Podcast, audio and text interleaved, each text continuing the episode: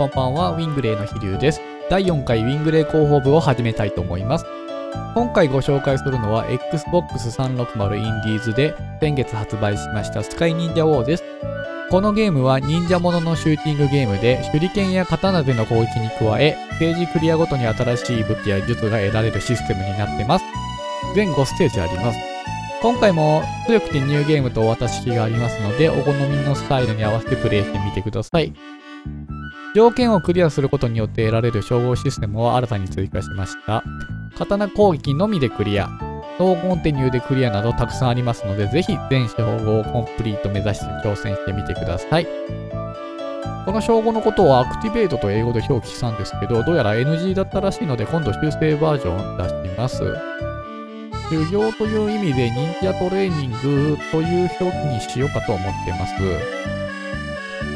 えー、ゲームの難易度的には序盤はかなり緩くなってます。お渡しクリアやノーコンティニューでクリアの称号があるので、序盤から難しいと誰も挑戦してくれないだろうなと思ってこんな感じになっています。まあ結局終盤きついんですけどね。頑張って挑戦してみてください。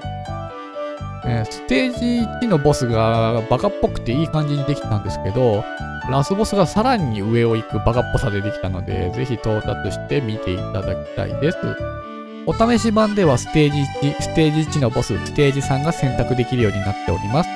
ステージ1のボスは弱点がありますので、探してそこを攻撃してみてください。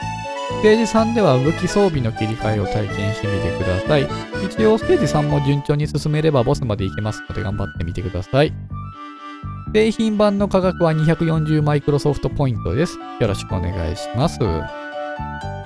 えー、次回作ですが、また Xbox で忍者ものの予定です。どんなジャンルのゲームになるかはまだ秘密です。秘密というか、なんというか、頭の中で企画組み立ててる最中でして、ちゃんとできるかわかんなかったりします。なので、最悪できなかったらジャンルが変わるかと思います。今回と打って変わって死にゲーになる予定なので、お楽しみに。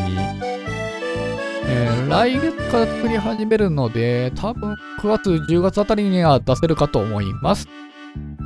それでは今回の放送は以上になります。また次回の放送でお会いしましょう。お相手は飛龍でした。